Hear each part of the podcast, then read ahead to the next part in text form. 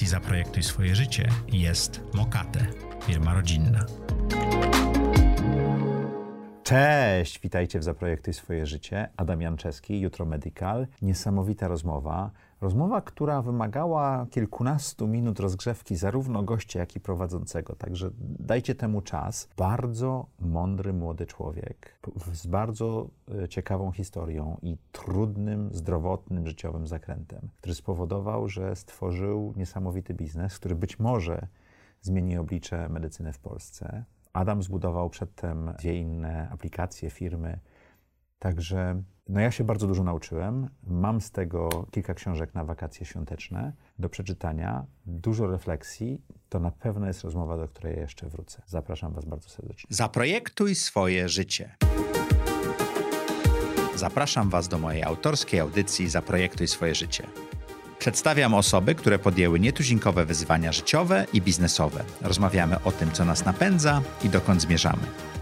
Historie opowiadane przez moich gości zainspirują Was do świadomego i odważnego projektowania swojego życia.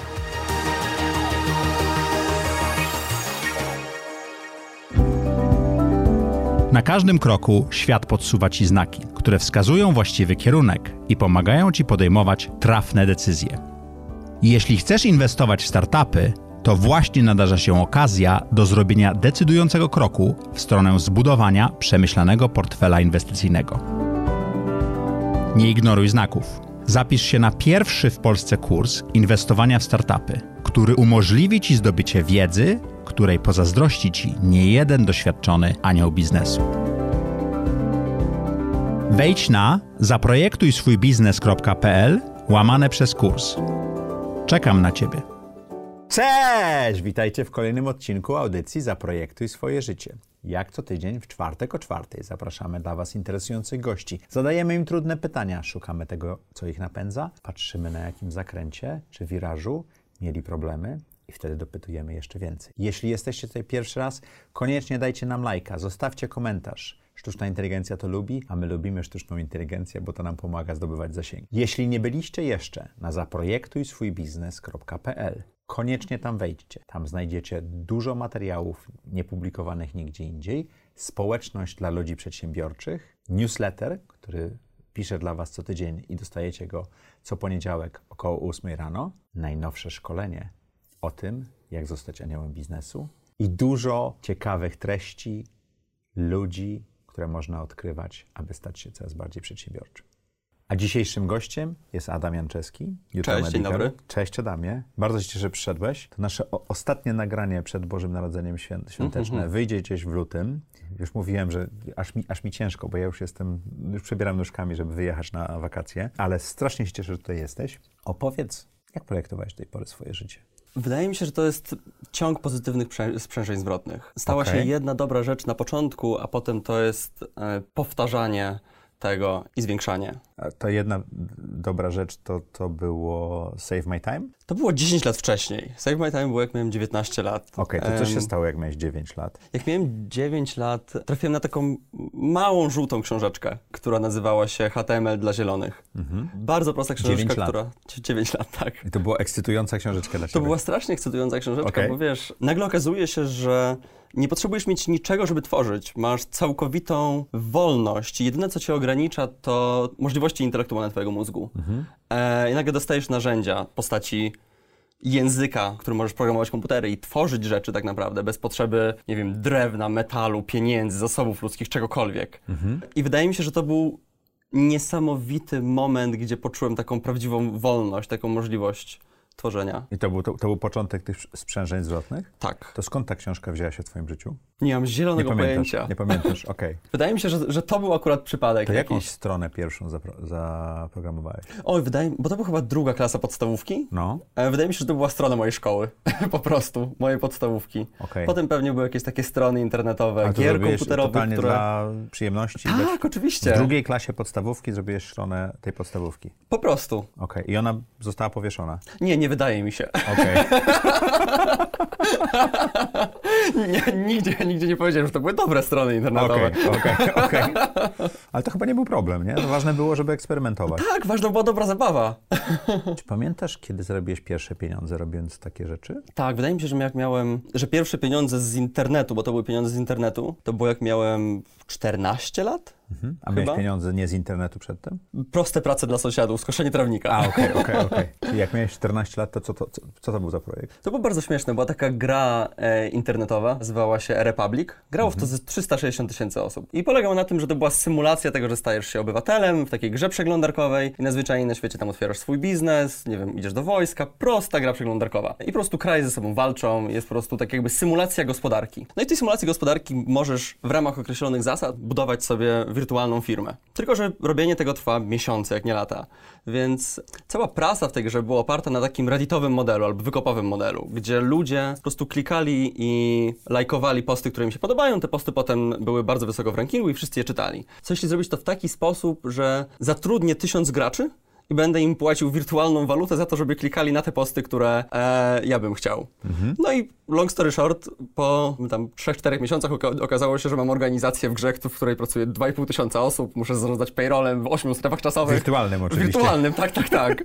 Trzeba było im płacić, no to były Excele do wyliczania payrollu i tak dalej, trzeba było im płacić na czas, pozyskiwać klientów. Normalnie tak jakby symulacja przedsiębiorstwa. Bardzo fajne A doświadczenie. czy z tego zrobiłeś jakieś rzeczywiste pieniądze? Wydaje mi się, że to było albo tam kilkaset, kilka tysięcy, kilka Ale tysięcy to, to, złotych. totalnie chodziło o zabawę, tak? Tak, zdecy- zdecy- zdecydowanie. Mhm. To skąd pomysł na pierwszy biznes w wieku 19 lat? To nie był pierwszy biznes. To nie był pierwszy biznes? To można było powiedzieć, że to był pierwszy biznes, który wyszedł. E, jak, jak, jakkolwiek. Czyli te sprzężenia zwrotne, o których mówiłeś, to była seria wielu prób. Tak, pamiętam, że kiedyś napisałem sobie takie życiorys porażek. Jak sobie naliczyłem tych projektów, które, które są porażkami na koniec dnia, to było ich chyba 11. Ile miałeś lat wtedy?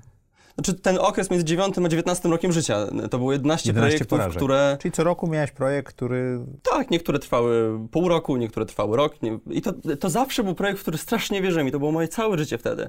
Napisałeś sobie życiorys porażek? Tak, chciałem sprawdzić, ile tego było, bo już nie pamiętam tych wszystkich projektów. Ale to, no wiesz, bo można do e, błędów i porażek podejść e, bardzo dramatycznie i przeżywać, ale można podejść do tego tak z pewnym dystansem i traktować to jako lekcję. Jakie miałeś, jak to pisałeś, to, to co było celem? Wiesz co, no jak... Tylko policzenie? Nie, chyba jakaś taka retrospekcja e, Okej. ze swojego wcześniejszego życia. Wydaje mi się, że to było spowodowane tym, że, że szukałem pierwszej pracy, chyba jak miałem tam 19 lat czy coś takiego i poszedłem do do takiej dużej firmy internetowej w Polsce e, i chciałem być pro product ownerem. I tam e, W wieku pan, 19 który, lat. Tak, tak. I ten pan, który spojrzał na tę moją CV-kę, która po prostu wy, wy, wylistowaniem tych wszystkich projektów, które nie wyszły, tak, tak wziął ją i spojrzał na mnie i powiedział Adam, czyli to w życiu nic nie wyszło. Jak zareagowałem? Wydaje mi się, że po tych 10 latach porażek po prostu się przyzwyczajesz, że to jest kolejna porażka i idziesz dalej. Okej. To nie, nie czujesz już tego najzwyczajniej na świecie. Podnosisz się i idziesz dalej. To co to było to Save My Time? Pierwszy, który wyszedł. Mieliśmy z moim kolegą Pawłem straszną fascynację koncepcją czasu. Z dwóch różnych powodów. Paweł najzwyczajniej w świecie, w świecie chciał zrozumieć, jak dotrzeć do work-life balance. E, ja chciałem e, być bardziej produktywny, e, móc wycisnąć więcej z dnia. I zaczęliśmy budować Save, e, Save My Time jako takie narzędzie dla nas. Naprawdę to było narzędzie dla nas, bo przez pierwsze półtorej roku korzystało z tego, nie wiem, dziewiątka znajomych i wszyscy to robili to tylko dlatego, że, Że to- bardzo ich o to prosiłem. Okej. Czyli było niedopracowane. Było bardzo niedopracowane. E, zawieszało się, nie działało, ale my to budowaliśmy dla siebie, więc tak jakby nie było żadnej presji, nie chcieliśmy zarabiać, nie, po prostu chcieliśmy zrobić coś fajnego. Z jakąś nadzieją, że ktośkolwiek w przyszłości kiedyś z tego będzie korzystał. No i Save My Time to jest, to jest narzędzie do, do zarządzania czasem. E, używamy bardzo prostego triku psychologicznego, a mianowicie przeciętny użytkownik telefonu odblokowuje go średnio co około tak 120 razy dziennie, co daje ci odblokowywanie co 8 minut. I dzięki temu, że ludzie tak często odblokowują telefon, My na ekranie blokowania wyświetlamy Ci listę aktywności, które sobie wcześniej zdefiniowałeś, czyli na przykład granie w piłkę nożną, praca, sen, drinki, znajomi i tak dalej. Proste przyciski, które sobie definiujesz. I dzięki temu, że to klikasz, to my logujemy ten czas i jesteśmy w stanie prawdopodobnie jako jeden, jedyne narzędzie na świecie e, monitorować Twój czas 24 na 7. I bardzo ciekawy... E, Czy ja mogę powiedzieć telefonowi, co właśnie robię? Tak, co właśnie robisz przez osta od ostatniego odblokowywania telefonu, czyli co okay. średnio tam co 8, kilkanaście minut. I dzięki temu mogę potem z retrospekcji spojrzeć wstecz i zobaczyć, jak mój dzień czy tydzień się ułożyły, tak? Tak, zdecydowanie. I taka była hipoteza, że tak to będzie wyglądało. A jaka jest mm, praktyka? A praktyka jest taka, że zaledwie kilka procent ludzi sprawdza statystyki. Ale ludzie zazwyczaj logują swój czas, żeby mieć takie poczucie, że kiedyś w przyszłości na to zerknę, że tak jakby to jest jakaś wartość, którą kiedyś wykorzystam w przyszłości. To troszeczkę jak moja rozmowa z moją wagą, tak? Bo ona mi potem wyświetla różne wykresy, na które boję się patrzeć. Tak może tak, być. Tak, tak to działa. Natomiast mhm. bardzo ciekawy psychologiczny trik, a mianowicie użytkownicy zaznaczali te aktywności, zaznaczali, czy one są dla nich wartościowe, czy nie. Mhm. Czyli na przykład powiedzmy picie alkoholu albo oglądanie Netflixa zaznaczali, że jest niewartościowe, a czas spędzony ze znajomymi czy nauka zaznaczali, że jest wartościowe. Jak sobie popatrzyliśmy potem w dane, a tych danych jest już całkiem sporo, bo to są kilkadziesiąt milionów zalogowanych godzin, mhm. to zobaczylimy, że ludzie spędzają automatycznie coraz więcej czasu na tych wartościowych aktywnościach. Przez to, że używają tej aplikacji. Tak, dlatego, Przez że... to, że muszą się, że się w cudzysłowie wyspowiadać przed swoim telefonem, co, Dokładnie. co robili, tak? Jak musisz kliknąć, że oglądasz Netflixa i wiesz, że zaznaczyłeś, że to jest zła aktywność, czujesz, czujesz się źle. Okay. A w momencie, jeśli klikasz dobrą aktywność, to czujesz się nagradzany. Czyli nawet to, że nie, nie sprawdzasz tych statystyk, nie ma znaczenia. Tak? Nie ma znaczenia, wyrabiasz sobie taki mikronawyk. To w jaki do tego, sposób że... Save mhm. My Time stało się sukcesem? Save My Time wydaje mi się stało się sukcesem poprzez upór, bo tak jak mówiłem, przez pierwsze półtorej roku nikt z tego nie chciał korzystać, ale my po prostu iterowaliśmy, iterowaliśmy, iterowaliśmy i po prostu chcieliśmy mhm. zbudować coś fajnego. I chyba takim naj najciekawszym momentem e, był launch produktu na Product Huncie, gdzie mhm. zlaunchowaliśmy ten, ten produkt i ten launch wyglądał tak, że ja napisałem personalnie do ponad 1500 osób, czy jak zlaunchujemy, to czy oni klikną upvote, więc mhm. przez dwa tygodnie wysyłałem maile. Twoje doświadczenia, twoje doświadczenia z tej gry troszeczkę pomogły, tak? Tak, to był 1500 maili? To, tam tak. komunikatorów i tak, tak dalej? Po prostu szukałem ludzi, którzy zagłosowali na podobne produkty, pisałem do nich, mówiłem, cześć, robimy taki produkt, e, co myślisz, czy jak to wrzucimy, to czy, czy ci się spodoba, czy zagłosujesz? Automatycznie to podniosło ich chęć do zagłosowania, prawda? Tak. I potem jak byliśmy na tym Product Huncie, zacząłem pisać masowo do reporterów. I na zwyczajnie mhm. świecie miałem... Na całym świecie? Na całym świecie, tak nie ograniczałem się. Okay. I pamiętam takiego jednego reportera, to był chyba Lifehacker się strona mhm. nazywała, bardzo popularna w takiej bardzo, produktywnościowej. Bardzo lubię, no. I pamiętam, że napisałem do niego, jak launchowaliśmy na Product Huncie, potem jak mieliśmy 100 użytkowników, 500, 1000, 5000, 10 tysięcy, 50 tysięcy. Za każdym razem pisałeś? Za każdym razem On nigdy nie odpisywał? Nigdy nie odpisywał. Przy 50 tysiącach napisał o nas post, nigdy mi nie odpisał na maila. napisał oczywiście, czyli, że dziękuję, ale też nie odpisał. Czyli ta ta wytrwałość, tu, powiedziałeś upór, ale to jest tak, to, to, taki upór pomieszany z... No bo upór mo, może być szaleńczy, a wytrwałość zawsze skutkuje dobrze, tak? Czyli ta wytrwałość czy twój upór były siłą napędową tego sukcesu, tak? Ja bym powiedział, że, że niekoniecznie mój. Tak jakby e, Paweł był zdecydowanie bardziej wytrwałą osobą niż ja. I gdyby nie Paweł, gdyby nie dobry wspólnik, mhm. to ja bym pewnie 10 razy to rzucił. Bo okay. wytrwałość to jest coś, czego ja się nauczyłem od Pawła. W czasie tego projektu. W czasie tego projektu. To trwało prawie 4 lata e, budowa Save My Time. A Save My Time dalej działa? Tak. To jest, jest taki... dostępny na mhm. obu platformach, tak? I na Androidzie, i na... Tylko, tylko na Androidzie. Ma tam ponad pół miliona użytkowników, po, pobrań aktywnych na pewno o wiele mniej. Mhm. I to jest w tym momencie taki czysto lifestyle'owy, lifestyle'owy biznes. A zarabiacie coś na tym? Tak, tak. Na czym? Na reklamach? Nie, mamy, mamy wersję freemium. Mhm. E, oznacza to, że tak jakby z tych kilkuset tysięcy osób jakiś procent płaci kilka dolarów za funkcję większej ilości aktywności, zaawansowanych statystyk, raportów i tak dalej. Mhm. Czy to jest dobry biznes dla ciebie, cashflowowo teraz? Nie wiem, nie, nie sprawdzam. Za, za, nie... nie, nie, zarabiacie jakichś kokosów na życie w tej chwili, nie? To nie jest taki... To, to są takie kokosy, na których można się spokojnie w Polsce utrzymać, mhm. ale nawet nie sprawdzam, ile jest w tym ile momencie jest... pieniędzy na koncie. Tak okay. jakby to jest jakiś projekt, który był najważniejszą rzeczą w moim życiu przez kilka lat, w tym momencie już nie jest. Ale dalej działa. Dalej działa, tak. Czego nauczyłeś się w czasie budowy Kiwi Jobs. Popracowałeś z Kasią Godlewską, która mhm. była gościem audycji Zaprojektuj swoje życie. E, złapaliśmy ją na wywiadzie w momencie, kiedy Kiwi Jobs właśnie było sprzedawane do Elixa i niewiele mogła nam powiedzieć mhm. co było bardzo ciekawe, ale ty, ja chciałem być inwestorem w Kiwi Jobs i to niestety nie wyszło. Ojej. Ale ty, no, nie, nie, zawsze jako anioł biznesu trafiasz w każdy projekt, to też trzeba zdać sobie z tego sprawę. Ważne, żeby do, do każdego, który jest wartościowy, próbować wejść. Kiwi Jobs było bardzo nowoczesnym podejściem do szukania pracy dla mhm. tak zwanych blue collar workers, czyli osób, które pracują na krótszych umowach, nie szukają pracy długoterminowej i tak. Co ci dało budowanie tej aplikacji? To była pewnie pierwsza taka moja full-time'owa praca? Całoetatowa, komercyjna praca. Mhm. Wszystko wcześniej to było jakieś na część etatu albo, albo moje własne projekty, których mhm. nigdy nie postrzegałem jako praca tak naprawdę, jako mhm. hobby raczej, jako fan. To było niesamowite w ogóle pracować z Kasią i patrzeć, jak ona, jak menadżerowie dookoła mnie, e, innych działów, podejmują decyzje. Pamiętam, że jak widziałem, że ktoś podejmuje decyzję, to ja sobie notowałem swoją decyzję, jaką ja bym podjął i potem robiłem retrospekcję. To wydaje mi się, że był taki znaczy, moment... Po, po, czy, czy, decyzja była dobra? Po czy ich decyzja tak? była dobra i czy Kasi mhm. decyzja była dobra. Bardzo często tak jakby gdzieś tam wtedy do mnie dotarło, że my nie uczymy się tak naprawdę na doświadczeniach, tylko na retrospekcji naszych doświadczeń. Mhm. Że jak się nie zastanawiamy nad, nad tym, jakie to są doświadczenia, to to jest bardzo wolna nauka. To skutki naszych doświadczeń bardzo często przychodzą po miesiącach albo po latach, a to warto wiedzieć, tak. że tak było. Tak, mhm. więc warto się zastanowić. To skąd się wziąłeś w pierwszej pracy na pełen etat? Skąd taki pomysł, żeby w ogóle pójść i coś takiego robić? Co, co cię urzekło? Wywołane to było potrzebą najzwyczajniej na świecie. Okay. Pracowałem wtedy, to, to był chyba pierwszy rok właśnie Save My Time. Miałem jakieś takie minimalne oszczędności z pracy na studiach i w pewnego wieczoru na jak chlebek z masełkiem trzeba było mieć, tak? Troszkę tak. E, jeszcze nie oszukujmy się, wtedy mieszkałem u rodziców, okay. więc to był drugi rok, nie, drugi rok studiów, jak zacząłem okay. pracować licencjackich u, nad Kiwi Jobs. Pewnego dnia po prostu wylałem kawę na komputer i nie miałem pieniędzy go naprawić. A nie oszukujmy się, komputer jest dość ważnym narzędziem w moim życiu. Okej. Okay. I tak się zaczęło szukanie pracy. Kilka dni wcześniej ten, ten pan z dużej firmy internetowej powiedział mi, że jestem porażką, a kilka dni później spotkałem się z Kasią, która też nie odpowiadała mi oczywiście przez półtorej roku, przez półtorej miesiąca na moje mm, aplikacje ale okay. usiedliśmy w sali rekrutacyjnej i zobaczyłem niesamowitą pasję w jej oczach. I to, że ona naprawdę chce to zrobić i chce zrobić z tego coś niesamowitego. Totalnie to kupiłem, tak jakby całym sobą. A czemu Kasia ciebie kupiła, chociaż miałeś listę porażek na CV? Nie mam zielonego pojęcia.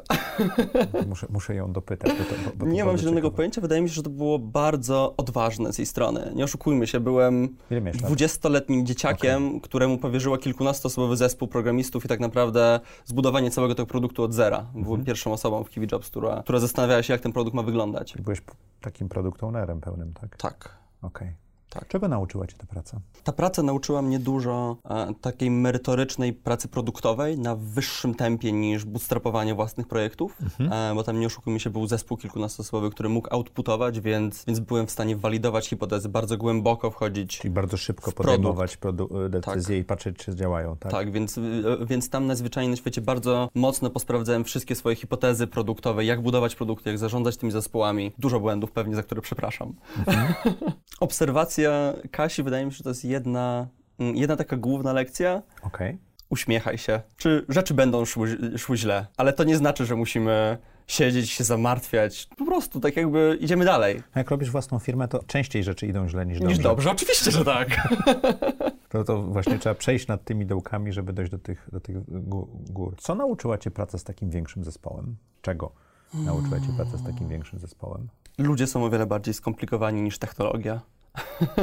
Technologia jest bardziej racjonalna, okay. jest bardziej przewidywalna. Okay. To na pewno jest taki pierwszy duży wniosek. E, ja czytałem taki bardzo mądry cytat, nie pamiętam kto go powiedział, że osobowość to jest y, system operacyjny napisany między DNA a środowiskiem. Wow, w to, w to można wejść pewnie na godzinną nie, ale. Ale, ale, w tym momencie, w tym momencie do, dowiadujesz się, że ludzie są różni, dlatego że po pierwsze mają różną genetykę, a po drugie dorastali w różnym środowisku. Tak, nie? zupełnie różne no. historie i inne czynniki ich ukształtowały. Kod jak masz napisany, no to jest, jest jakiś system i, go się trzymasz, prawda? Tak, ale zobacz, nawet wchodzi w to tak, taki poziom skomplikowania, że nie wiadomo, co się w tym momencie dzieje w domu tej osoby. Czy ona nie, nie ma jakiegoś kryzysu personalnego i dlatego na przykład gorzej performuje. Tak jakby mhm. wchodzenie w to i zastanawianie się, jak, jak pracować z tymi ludźmi, było dla mnie ogromną lekcją. No bo pracowałeś w super małych zespołach, jedno, dwu, trzy osobowych, tak? A Wcześniej tutaj, tak, a, a tutaj kilkanaście osób. Kilkanaście osób, tak? Tak. Okej. Okay. Jak twoi e, współpracownicy ciebie wspominają? O, nie mam pojęcia. Już nie pytasz?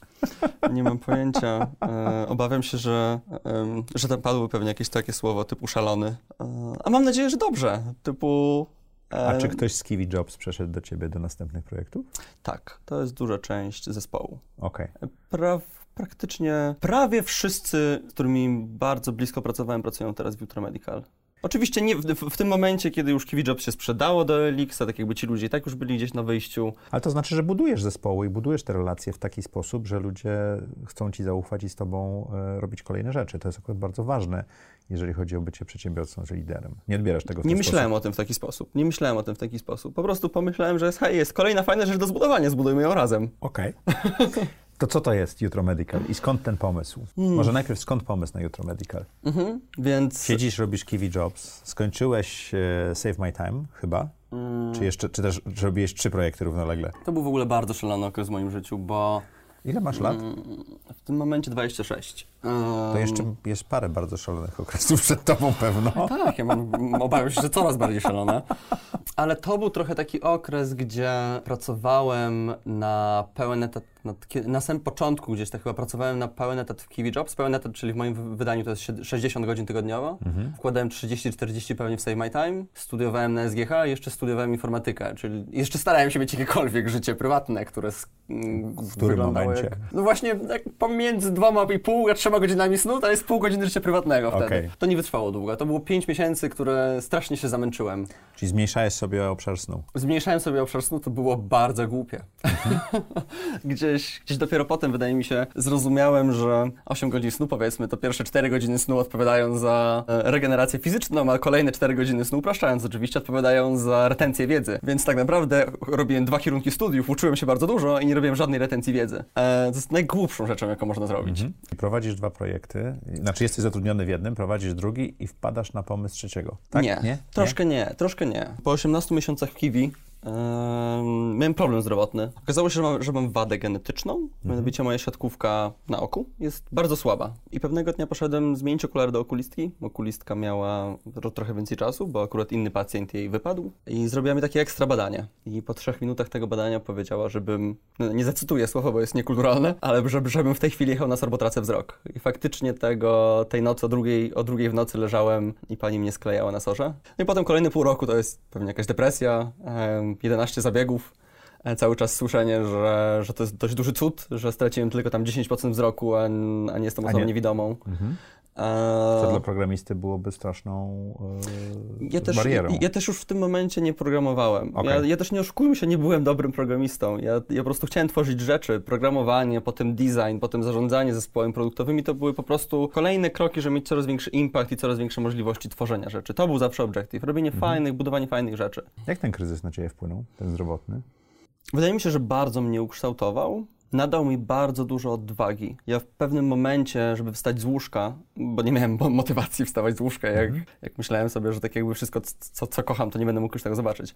W pewnym momencie, żeby wstać z łóżka, po prostu powiedziałem sobie, e, okej, to ja już umarłem, to było wspaniałe 23 lata życia, jestem z tego zadowolony, każdy dzień już będzie ekstra. Czyli zacząłeś żyć od dziś. Może nie tak, że tak jakby uciąłem tą przeszłość, ale przestałem się bać tego, co będzie kolejnego dnia. Przestałem tak jakby oczekiwać. Po prostu tak jakby bardziej go with the flow, taka spokojna pewność. Wydaje mi się, że to był jedyny model, żeby. Nie, wiem- nie wiem skąd się to pojawiło, tak jakby to było kilka miesięcy leżenia w łóżku i myślenia, ale to było to narzędzie, które pozwoliło mi znowu funkcjonować w społeczeństwie. I pewnie to, da, to, dało, to dodało mi odwagi, żeby robić tak szalone rzeczy, jakim jest, jest Jutro Medical. No bo też tak jakby Jutro Medical jest pochodną moich doświadczeń zdrowotnych. Ja chodząc do tego szpitala, widziałem jak grupa naprawdę inteligentnych ludzi nie jest w stanie sobie zorganizować pracy. Przez inteligentnych ludzi mam na myśli lekarzy, którzy ciągle pracują na tym starym oprogramowaniu, marnują czas, tutaj drukarka nie działa, tutaj coś, tak jakby naprawdę, gdyby to wszystko dobrze poukładać, to nie brakowałoby lekarzy w Polsce. I od tego się zaczął ponadroczny research, ponadroczne badanie, gdzie, gdzie, gdzie nie pracowałem, po prostu czytałem podręczniki od medycyny, e, odwiedzałem sobie szpitale i, i przychodnie w różnych krajach, obserwowałem lekarzy w ich pracy, tak jakby patrzyłem, gdzie klikają, jak myślą, jakie są procesy decyzyjne, żeby zrozumieć, zrozumieć, co tutaj można zrobić, jak Z punktu zaatakować ten rynek. lekarza, czy pacjenta również? Troszkę jak mówimy sobie o produkcie medycznym, to to, to jest jedno, tak jakby praca człowieka i technologia jest, je- jest tym, tym całym doświadczeniem, które oferujemy pacjentowi. Więc trzeba było zrozumieć e, t- tą pracę lekarza, żeby coś wartościowego zaoferować pacjentowi, żeby zrozumieć od której strony zaatakować ten niesamowicie skomplikowany rynek, bo mówimy o rynku, który ma setki decydentów, setki różnych motywacji, tak jakby to jest cały system z tysiącami różnych graczy, który, każdy z tych graczy chce co innego i odnalezienie się w tym systemie i zaczęcie w odpowiednim miejscu tego systemu, żeby móc rozwijać firmę i faktycznie mieć jakiś impact na społeczeństwo, było dość skomplikowanym wyzwaniem. Czyli twój kryzys, depresja, e, strach przed e, utratą wzroku, tak naprawdę e, udało ci się to zamienić w siłę napędową do stworzenia nowej firmy. Tak, upraszczam chyba to mhm. bardzo, ale Wydaje mi się, że po drodze, hmm, bo siła napędowa. Jak myślę sobie o sile napędowej, to to jest troszkę też, pójdę głębiej, pójdę do, do sensu życia i, i jest taki bardzo fajny model, gdzie, gdzie wydaje mi się, że Freud wierzył, że, że sens życia się w, odnajduje się w maksymalizacji przyjemności, w takim czystym hedonizmie. Mhm. E, potem Adler mówił, że, że, że, tu chodzi o władzę. Potem Viktor Frank po swoim pobyciu, pobycie w Auschwitz e, zmapował, że to jest jeszcze tak jakby praca, e, relacje i, i, cierpienie. I ja wtedy gdzieś zrozumiałem, że, że ten mój, mój sens życia nie odnajduje się w ogóle w przyjemności i, w, i, i we władzy. To były hipotezy, które zwalidowałem i totalnie to nie były te hipotezy, ale, ale głównie odnajduje się w, w pracy, którą wykonuję, że, że to mi nadaje sensu życia życia i to mi nadaje satysfakcji. Praca, tworzenie. Praca, praca razem z, z, rela z relacjami. Mhm. Tak, tworzenie zdecydowanie to jest to. To jest coś, do czego, co zrozumiałem. Myślałem na początku, że to jest tylko narzędzie dojścia do celu, a potem okazało się, że to jest cel sam w sobie, możliwość tworzenia. Czyli droga jest ważniejsza od y, destynacji, jak to się pięknie po celu. polsku mówi. Tak, celu. Dziękuję. Zdecydowanie, tak. Okay. Bardzo szybko do tego doszedłeś. Ja to tam... 20, Może miałem 20, szczęście. Znaczy to twoje nieszczęście mogło być tym szczęściem, tak? Zastanawiam się, czy jak sobie nie popatrzymy na jakiekolwiek nieszczęście, to czy faktycznie nie możemy retrospektywnie powiedzieć, że ono było szczęściem? Bo to jest coś, co nas kształtuje. Sprawia, sprawia, że jesteśmy sobą. Każde nieszczęście jest takie na koniec dnia. Jeżeli potrafimy z niego wyciągnąć wnioski i potem tworzyć się na nowo, tak. Bo tak. Są, są ludzie, którzy, którzy nie będą potrafili tego zrobić z zupełnie obiektywnych W tym wypadku tak. Powodów, tak. Ale tak, no, jak patrzę na swoje życie, to rzeczywiście poważne błędy życiowe, które popełniłem, ich fatalne konsekwencje są, stworzyły mnie takim, jakim jestem, tak? Mhm. Więc to tak działa. Czym jest Jutro Medical? Jutro Medical to jest przychodnia rodzinna, taka na NFZ. Jest, taka najzwyklejsza przychodnia. Taka najzwyklejsza przychodnia. Która nie posiada budynku. posiada budynki, więc... Posiada e, budynki. Tak, okay. więc może zaczynając od tego, tak jakby Jutro Medical to jest przychodnia oparta na technologii, więc ty jako pacjent masz, masz aplikację, gdzie możesz czatować z lekarzem, zdzwaniać się z lekarzem, um, umawiać się na wizyty osobiste, masz dostęp do recept, skierowań, zwolnień, wyników badań laboratoryjnych, także nie czekasz, tak naprawdę masz to cały czas pod ręką. Czujesz, masz, masz tego lekarza tutaj w kieszeni, w tym telefonie, mhm. czujesz, że jak ci coś dolega, to możesz otworzyć ten telefon i do niego po prostu napisać, tak jak piszesz do swoich znajomych na Messengerze. I czuć się dzięki temu troszkę bardziej bezpiecznie, bo niezależnie gdzie jesteś, to ten lekarz jest przy tobie. I pewnie tak około 70% wszystkich problemów w internie, w medycynie rodzinnej rozwiązujemy właśnie za pomocą telemedycyny. E, natomiast w tych 20-30% przypadków, zależnie od grupy wiekowej e, i obciążenia innymi chorobami, zapraszamy pacjentów do naszej fizycznej placówki, gdzie mamy budynek, gabinety. W tych gabinetach są meble, są, siedzą lekarze, czy taka normalna przychodnia.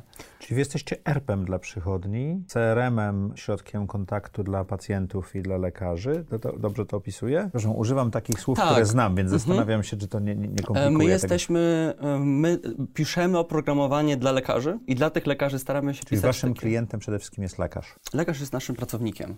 My, naprawdę, pomyślmy o tym jako o normalnej przychodni, takiej, w których z lat 90., nie wiem, mhm. stoisz w tych kolejkach, próbujesz się dodzwonić na rejestrację. My jesteśmy dokładnie tak W 2021 roku to samo jest. To no się dobra, niczym nie różni między latami 90. Przepraszam, nie wiem, nie wiem jak wasze doświadczenie, ale ja takie doświadczenia miewam czasami. Z zdarzają się jeszcze niestety.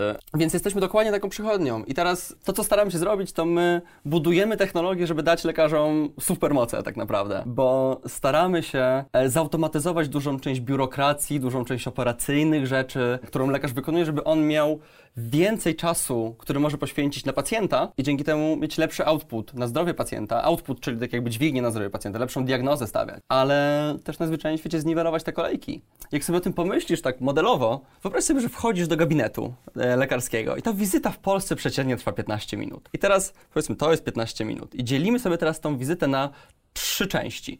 Pierwsza część to jest część pięciominutowa, gdzie lekarz zbiera od ciebie Diagnoza. informacje. Nie, znaczy... nie, diagnoza jest A, dopiero potem. Zbiera... zbiera od ciebie informacje. On stara się dowiedzieć, z czym ty przychodzisz, mhm. co ci dolega, jaka jest twoja historia. Potem środkowa część to jest właśnie diagnoza, to jest podejmowanie decyzji, jakie leczenie wdrożyć, jak ci pomóc. To jest ta najbardziej kluczowa część dla ciebie z perspektywy pacjenta, żeby lekarz dobrze cię zdiagnozował. Sam powiedziałeś o sobie, przez to, że y, okulistka miała trochę więcej czasu, miała więcej czasu na Dokładnie. pierwszą i drugą część, tak? Miał, szczególnie na tą drugą część.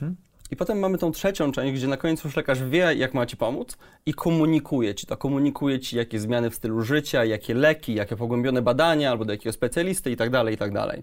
I teraz ta początkowa i końcowa część to jest głównie komunikacja, to są operacje, to są formalności, dokumentacja. To są wszystko rzeczy, które dzięki technologii można zautomatyzować i usprawnić. Ta środkowa część, czyli diagnoza, to jest 10-15 lat nauki lekarza, pracy lekarza. To jest naprawdę ciężkie do zrobienia technologią. Więc AI, AI sobie z tym jeszcze nie radzi. Dobrze robi rentgeny i parę innych rzeczy, ale AI jeszcze nie robi wszystkiego. Tak, AI bardzo dobrze robi pa, ba, takie paternowe, powtarzalne rzeczy, e, bazując na danych tekstowych czy obrazowych. To jest bardzo szerokie. Więc to, co my robimy w Jutro Medical, to tak naprawdę od tej strony to, czego nie widzi Czyli to pacjent, robicie to pierwsze 5 minut i ostatnie 5 minut, bardzo tak? mocno to automatyzujemy, dzięki czemu lekarz ma więcej czasu na tą środkową część, na diagnozę. Czyli z punktu widzenia pacjenta Mhm. jest to przyjemniejsza wizyta, bo lekarz dużo rzeczy już wie, bo może przeczytać i przekaże te informacje w aplikacji. Nie muszę sobie próbować przeczytać tego pisma lekarskiego na recepcie. Mhm. A z punktu widzenia lekarza y, ułatwia pracę, tak? Bo Daje mu też więcej Bo drukarka zawsze działa i nawet jej nie potrzeba i tak dalej, tak? Boże, no wyobraź sobie, że idziesz na, z punktu widzenia lekarza, wyobraź sobie, że jesteś idealistą, idziesz na te 5 lat studiów, potem staż, potem specjalizacja i lądujesz po tych 10 lat na, latach naprawdę ciężkiej pracy. O, obydwoje moich dorosłych dzieci studiuje teraz medycynę. Wiem, O co to Boże. I lądujesz w takim systemie, gdzie, gdzie wiesz, numerujesz sobie strony e, dokumentacji po prostu, albo prze, przewalasz te, te, te papiery w, w, w gabinecie, albo irytujesz się, że system ci się odpala przez dwie minuty. No tak jakby to naprawdę nie jest dobre spożytkowanie tych pięknych umysłów, które mają lekarze. Okej. Jak dużą firmą jest Jutro Medical? Blisko 100 osobową już tam. W tym momencie na dzisiaj to jest na, na grudzień nie, nie mówimy o 2021. tylko mówimy o wytwarzaniu software'u, tak? E, Mówimy o wszystkim, zaraz wszystkim. powiem ile jest w tym wytwarzaniu software'u. Całościowo teraz na grudzień 2021 to jest 94 osoby, jeśli dobrze pamiętam. Jedna trzecia to jest e, biznes, design, wytwarzanie software'u. E, Dwie trzecie to, to są operacje medyczne, lekarze, pielęgniarki, asystenci medyczni, rejestracja, e, obsługa pacjenta. Jak dużą firmą będzie Jutro Medical? Przerażające pytanie. Ale ciebie chyba już nic nie przeraża z tego, co mówiłeś o swoich filozoficznych przemyśleniach. Czy to tak nie jest? Z, filozofi- z, fi- z filozoficznymi przemyśleniami to jest tak, że to jest praca dążenia do. To nie Okej. jest tak, że cały czas jesteś świadom tego stanu. To jest tak, że, że przypominasz sobie o tym i, i, i to jest takie narzędzie, które ci uspokaja. To, to zadam inaczej. Do jakiego rozmiaru dążycie w Jutro Medical? Nie no, racjonalnie jutro, znaczy nieracjonalnie. Zobacz, jeśli to, co robimy w tym momencie, z poustawianiem tych procesów przychodni, u nas na tych, tych modelowych kilku przychodniach, które budujemy się uda, to ja głęboko wierzę, że to jest nieetyczne, żeby nie podzielić się z tym światem. Więc jeśli my będziemy w stanie zbudować ten model i będziemy w stanie go udostępnić innym ludziom, to gdzieś down the road, gdzieś, gdzieś daleko w przyszłości, jak to będzie działało, to, to mamy szansę rozwiązania problemu braku lekarzy Bo oni będą mieli więcej czasu. bo oni I będą, będą mieli skuteczniejsi. więcej czasu i będą, przez to, że nie będą jak, jak na takiej linii produkcyjnej, to będą mogli więcej poświęcić Tobie jako pacjentowi tego czasu na diagnozę, tego czasu, gdzie faktycznie dzieje się praca intelektualna. Ale Jutro Medical nie jest firmą czysto software'ową, bo wy zmieniacie też sposób pracy przychodni, prawda? Myślę, że bardzo ciężko jest zrobić zmianę na rynku medycznym czystym oprogramowaniem. To są setki procesów i procedur, więc to jest połączenie na pewno e, nieruchomości, fizycznego doświadczenia pacjenta, to jest po połączenie oprogramowania i połączenie ludzi. I ludzie tu są kluczową, e, kluczowym elementem. Chcę wrócić do początków Jutro Medical. Miałeś ten pomysł? Mhm. Stwierdziłeś, że jesteś w stanie go zrobić. Jak zacząłeś go robić? Skąd wziąłeś na to pieniądze? Skąd wziąłeś na to ludzi? Jak się zakłada taką pierwszą, poważną firmę w życiu w wieku dwudziestu kilku lat po przejściu no, traumatycznego doświadczenia zdrowotnego? Zawsze wierzyłem, że, tak, że, że każdy projekt, który zakładam, to był poważny projekt. Nie startujesz, nie startujesz raczej projektów e, z, z, takim, Ale- ale z taką co? myślą, Ale to- a, dobrze. ten to taki. Dobrze, y, prowadzący został upomniany, że zadaje głupie pytania. Nie, ale rozumiem. Ale nie, absolutnie. Nie. Nie, nie, nie, nie masz za co przepraszać, masz absolutną rację. Ja nie, nie, zmienię swojego pytania, absolutnie biorę twój feedback. Teraz z perspektywy czasu to jest największa rzecz, którą zrobiłeś, ale być może za mhm. 10 lat to, to będzie mały projekt, bo zrobisz kolejny, który będzie jeszcze większy, tak jak Save My Time było dużym projektem, czy mhm. Kiwi Jobs było dużym projektem. Albo jutro tak? się rozrośnie po prostu. Być no. może będziesz miał ten sam biznes za 20-30 lat, a być może będziesz miał pięć różnych biznesów. Nie wiemy tego. Nie, nie próbuję ani oceniać, Oczywiście. ani ten. Ale y, miałeś pomysł? Mhm Zrobiłeś y, ponadroczny y, research, jeździłeś po całym świecie, oglądałeś, jak to działa. Jak się zaczyna taką firmę? Czy to była firma najpierw, czy idea? To była od razu firma. E, okay. Ja po swoim doświadczeniu z Save My Time wiedziałem, że nie chcę bootstrapować firmy, czyli mhm. czy, że nie chcę znowu spędzić czterech lat robiąc wszystko swoimi rękami. Nie mając kasy na komputer, jak się wyleje kawa. Tak. Ale to, to, to audycja tak powstała, wiem jak to jest, tak?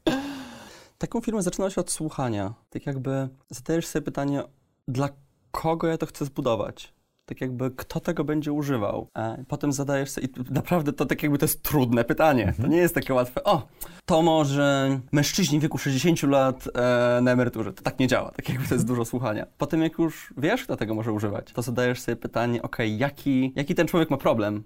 I tu znowu nie chodzi o to, żeby tak jakby spytać się go, co go irytuje, tylko bardzo często to jest wchodzenie poziom niżej, poziom niżej, poziom niżej, żeby zacząć tak naprawdę od tych uh, from the first principles, from, tak jakby od tych mhm. czystych fundamentów tego, jaki jest fundamentalny problem.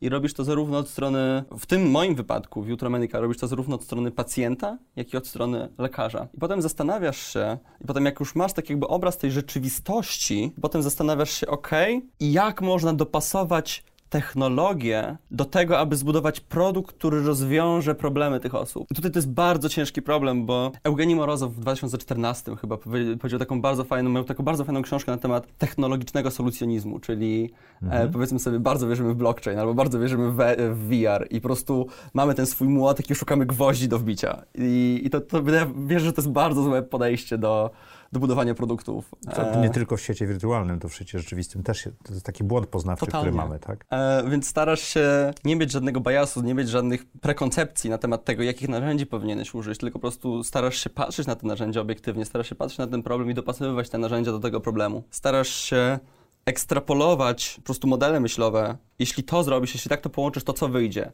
co nie wyjdzie. I, I, lądujesz troszkę z kilkudziesięcioma modelami i potem sobie porównujesz te modele. Patrzysz na ich modele, czyli produkty i potem już tak jakby obudowę jako firma. Patrzysz sobie na, na ich plusy i minusy, starasz się oceniać, odbijasz to od inteligentnych ludzi. Mhm. E, w momencie, jak masz... Jak długo ten proces trwał? No u mnie to trwało cały czas tego researchu, to, to, było, pon, to, to było ponad rok, tak. Mhm. Nie śpieszyłem się. Ja też naprawdę nie chciałem tej firmy założyć. Przepraszam, to jak to nie chciałeś założyć tej firmy?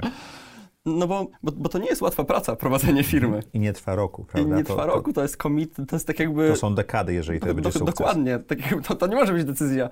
Siadasz sobie w marcu i mówisz, okej, okay, to w kwietniu zakładam firmę i kolejne 15-20 lat będę ją budował. No to jakby nie podejmujesz decyzji o jednej, o, o jednej trzeciej swojego życia tak szybko. Mhm. I ja wiedziałem, jak to będzie ciężkie, więc takiego naprawdę unikałem zbudowania tej firmy. Tylko, że nie dałem rady. Jedyne, co mnie interesowało, to, było ten, to był ten problem. Czyli rozwiązanie tego problemu doprowadziło cię do tego, że musiałeś stworzyć firmę. Jak stworzyłeś firmę? Skąd wziąłeś wspólników? Skąd wziąłeś inwestorów? Jak podjąłeś to, te decyzje?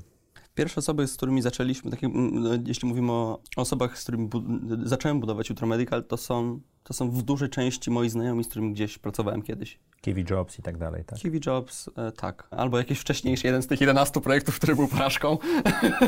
e... Czy nie był porażką, bo dał ci e, osoby, tak. z którymi mogłeś współpracować. Oczywiście, tak? że tak. Z perspektywy czasu, nie?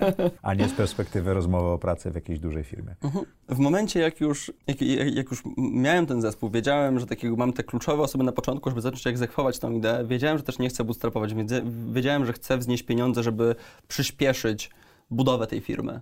Mhm. A skąd wiedziałeś, że tak można zrobić? Książki. Okej. Okay. Książki. Mamy dużo książek tak. tutaj także. Wydaje mi się, że książki są niesamowitym, niesamowitą supermocą, wiesz. Tak mhm. jakby ktoś, każda z tych książek, to jest ktoś spędził rok, dwa, trzy, cztery, pięć lat, tak jakby zapisując swoją wiedzę na kilkuset stronach, a ty możesz to pojąć w kilka godzin, mhm. no to daje totalne superpowers. Mhm. Czyli byłeś otwarty na wiedzę, Wiedziałeś, jak to zrobić. Skąd pierwsi inwestorzy? Z wytrwałości. Pono ponownie. Wydaje mi się, że pierwsza runda inwestycyjna Jutro Medical to były rozmowy z ponad 80 inwestorami. Mhm. To byli Pierw... aniołowie biznesu czy to fundusze? Był, byli aniołowie biznesu i fundusze. Mhm. Wydaje mi się, że w większości jednak fundusze. Pierwsze 30 może 15, 20, coś takiego, funduszy osób, z którymi rozmawiałem. Były podobne tej rozmowy o pracy, prawda? To, to były dwa, dwa kluczowe słowa. Jakie? Że tego się nie da zrobić, że to jest niemożliwe i że to jest czyste szaleństwo, żeby coś takiego próbować robić. Rozumiem tą postawę. Sam mam jedną firmę medyczną, także wiem, jak trudne to jest. Tak. A co się stało po tej 31 czy 32 rozmowie? Bo za każdym razem, jak robisz pitch i rozmawiasz, to uczysz się coś z tego, prawda? Tak, uczysz się. To, to jest, to jest to, te, ten cykl samopowtarzających się mhm. nauk, o których mówiłeś na początku, tak? To co się zmieniło w Twoim sposobie opowiadania o tym biznesie, że inwestorzy zaczęli się. Ja e, zrozumiałem też po drodze, co interesuje inwestorów. Wydaje mi się, że tak jakby moje pierwsze pitche polegały na tym, że hej, mam coś super fajnego do zbudowania. Chcę zbawić świat, tak? A moje kolejne pitche polegały na tym, hej, zobaczcie, to jest taki biznes. E, za kolejne x miesięcy robimy rundę na tyle i tyle, zrobicie razy x, potem na tyle i tyle, zrobicie razy x. Tak jakby zrozumiałem, że żyjemy w kapitalistycznym świecie i to, mhm. co inwestorzy muszą dostać, to zwrot z inwestycji, bo oni mają swoich LP-ów, którym też muszą dostarczyć zwrot z inwestycji, żeby móc znieść kolejny fundusz i dalej prowadzić swoje życie i swój biznes. I najzwyczajniej Czyli zacząłeś na świecie... mówić językiem korzyści dla osób, które miały ci ufundować ten biznes. Wydaje mi się, że zrozumiałem, jaki produkt i co jest produktem dla nich. Dla, dla mnie produktem jest zbudowanie... Bo dla nich produktem jest firma, która odnosi sukces finansowy. Dla ciebie produktem było rozwiązanie problemu. Tak. I trzeba było to połączyć w jednym... Yy, w Żyjemy w kapitalistycznym świecie, tak. Ja żyłem w socjalistycznym świecie, nie jestem specjalnie lepszy. A wręcz mogę... Uwierzę na słowo. No, pamiętam cukier na kartki, mięso na kartki i takie rzeczy, tak. Ile pieniędzy zebrałeś w pierwszej rundzie Jutro Medical? To było 2,2 miliona złotych. 2 miliony 200 tysięcy, tak? Tak, tak, tak. Na ile czasu wam starczyły te pieniądze? Bo to, to było na stworzenie produktu, prawda? Mhm. Bo, bo, chodziłeś z PowerPointem, czy tam z, tak, z Prezi, czy czym? Dziewięć slajdów mieliśmy, nie mieliśmy... Dziewięć slajdów? Niczego nie mieliśmy. I to była jedyna prezentacja e, fundraisingowa, którą zrobiłem do tej pory. Czekaj, bo matematykę robię, to jest strasznie kupa, kupa kasy per slajd wyszła. Kupa kasy per Za 2,2 miliona, tak? Znaczy, bo wiesz, ja, ja, ja troszkę... Ja się, ja się zawsze starałem skończyć tę prezentację w 2-3 minuty, bo... Czyli robiłeś prawie, że elevator pitch. Tak, bo tak jakby... Ale nie mieliście produktu, nie mieliście nic napisane. Zebraliście pieniądze, żeby stworzyć produkt. Też nie oszukujmy się, zbudowanie przychodni i zbudowanie tak skomplikowanego oprogramowania to są naprawdę duże wydatki. Tak. My zbudowaliśmy Electronic Health Record, tak jakby elektroniczną dokumentację medyczną, to jest bardzo skomplikowany produkt, który musi mieć bardzo duże zabezpieczenia. Te dwa miliony nie wystarczyły na zbudowanie produktu, czy wystarczyły? Oj, no te dwa miliony wystarczyły, żebyśmy doszli do momentu, gdzie mamy w pełni funkcjonującą przychodnię. MVP mieliście? Nie, nie, nie powiedziałbym, że to był MVP, to była w pełni funkcjonująca okay. przychodnia już z dwoma tysiącami pacjentów pewnie wtedy. A skąd wzięliście pierwszą przychodnię? Podnajęliśmy gabinety w istniejącej przychodni. Czyli stworzyliście y, w istniejącej przychodni po prostu stworzyliście jakby subprzychodnię, tak. tak? Tak, tak, tak, tak, To oczywiście nie wyszło. Okay. Tam, tam, doświadczenie pacjenta było fatalne. Z uwagi na istniejącą przychodnię? Z uwagi na istniejącą przychodnię, nie oszukujmy się. Panie na rejestracji miały swoich pacjentów, panie sprzątające miały inne gabinety do sprzątania. I tam już nie wyszło masa rzeczy, więc, więc wydaje mi się, że tą lekcję zrobiliśmy po dwóch miesiącach i po dwóch miesiącach już e, zmieniliśmy na swoją. Co w ogóle... Jak tak się zmienia na swoją? To się idzie po prostu na rynek i bierze przychodnie spółki? Szuka się lokalu. Trzeba się nauczyć... Czyli od zera. Przychodnia była start, startowała od zera. Nie, nie kupowaliście nie, biznesu? Nie, niekoniecznie od... od znaczy od, lokal, można powiedzieć, że był prawie od zera. A ludzie? No nie, no ludzie już, ludzie już mieliśmy z tej, z tej poprzedniej lokalizacji, okay. tak jakby po to było i to, i to w Warszawie. W ogóle jak sobie patrzymy na ten timeline, to on był bardzo krótki, bo my zaczęliśmy programować pierwszą linijkę kodu w styczniu 2020 i tak jakby cały plan był przeze mnie zrobiony na jakiś model biznesu. Okazało się, że w lutym uderza pandemia i tak jakby ten cały plan nagle poszedł do kosza. Um, I trzeba było po prostu od nowa wymyślić, jak ten biznes będzie wyglądał, zakładając, że pandemia z nami zostanie, co okazuje się troszkę prawdą. Zaledwie po pięciu miesiącach w maju my już mieliśmy przychodnie z pierwszą wersją produktu, więc to był bardzo, to bardzo szybki start. Szybko. I to było pięcioosobowy zespół. Pięć, Pięć osób? osób? Dwóch programistów, projektant i dwie osoby biznesowe. To niesamowicie szybko. Tak. E, I to jest też takie doświadczenie, jak robisz dwunasty projekt czy trzynasty projekt w swoim życiu, to wiesz, jakich rzeczy możesz nie robić. I wiesz, jakie osoby trzeba zatrudnić, można, jak, na jakie można poczekać, prawda? Na początku tak, zatrudniasz. E, Tylko niezbędne. Komandosów. Komandosów. Komandosi wchodzą za, za linię wroga, odnajdują się doskonale w chaosie, e, w żadnej strukturze. To tak muszę powiedzieć, że tak zaczynała audycja też. E, z, z, nas były trzy osoby i potrafiliśmy wszystko zrobić. Teraz jest nas więcej i nie wszystko nam wychodzi. Mhm. tak, ciekawe. bo tak jakby nie jesteś w stanie, bo komandosi się już nie odnajdują aż tak dobrze. Nie, nie wszyscy, ale komandosi się już nie odnajdują tak dobrze w stuosobowej organizacji. Oni idą do następnych. Tak, potem zatrudniasz husarię, potem zatrudniasz policję. Dobrze, rozumiem komandosów. Husaria to? Husaria to są, powiedzmy, tacy bardzo szerocy specjaliści, którzy umieją, umieją dowozić duży output, ale nie mhm. zastanawiają się w ogóle nad tym, co jeśli coś nie wyjdzie, tak jakby jak zrobić przodu, maintenance, tylko prąd do, przodu, do przodu. pióra trzepoczą i tak. Tak, a potem, a po, potem okazuje się, że musisz dostarczać przewidywalną jakość, albo muszą być powtarzalne procesy. Policja. I tutaj już jest potrzebna policja. Osoby, które dbają, żeby nam nie zabrakło z tyłu, żeby ta firma nie upadła w momencie, jak myślimy o tym, co jest dalej. Nigdy nie myślałem o tym w ten sposób, a to jest piękna alegoria. To nie jest firmy. moje, gdzieś to przeczytałem na pewno. Tak? Na pewno jak, nie wymyśliłem czegoś jak, takiego Jak znajdziesz gdzie, to będę, czyli komandosi, husaria i policja. Ile macie w tej chwili przechodni już? W tym, mom- w tym momencie mamy jedną przychodnię i mhm. powiększamy lokal w tej przychodni. Jesteśmy w procesie budowania kilku kolejnych. I jesteście na drugim roku pełnym działalności. Tak, to jest, to jest dokładnie 24 miesiąc w tym momencie. Mhm. Tak. I, I nasty działania już takiego, że przychodnia jest otwarta. Tak, mhm. tak, dokładnie. Niedawno miałeś kolejną rundę. Trzecią tak naprawdę już teraz. Tak. Bo e, my zaledwie po 9 miesiącach stwierdziliśmy, ok, idzie bardzo dobrze, zostało nam jeszcze dużo pieniędzy w banku, ale co jeśli przestanie iść dobrze, albo no po prostu. Tak Warto zbierać, kiedy... Jak idzie dobrze. I wtedy wyszliśmy, podnieśliśmy jeszcze, z tego co pamiętam, 4 miliony złotych mhm. E, jako ta tak zwana extension, mhm. e, przedłużenie tej wcześniejszej rundy. Seedowej. Angelowej. Ja Angelowej. Jako Angelowa. Tak, i dopiero teraz w 2021 w, w okolicy wakacji w maju chyba e, zamknęliśmy rundę na, na 6 milionów euro. 6 milionów euro już. To już całkiem tak. poważna suma pieniędzy. Też tak myślę. Mhm. Odpowiedzialność wzrasta. Mhm. Jak szukałeś inwestorów na tą ostatnią rundę? Nie szukałem.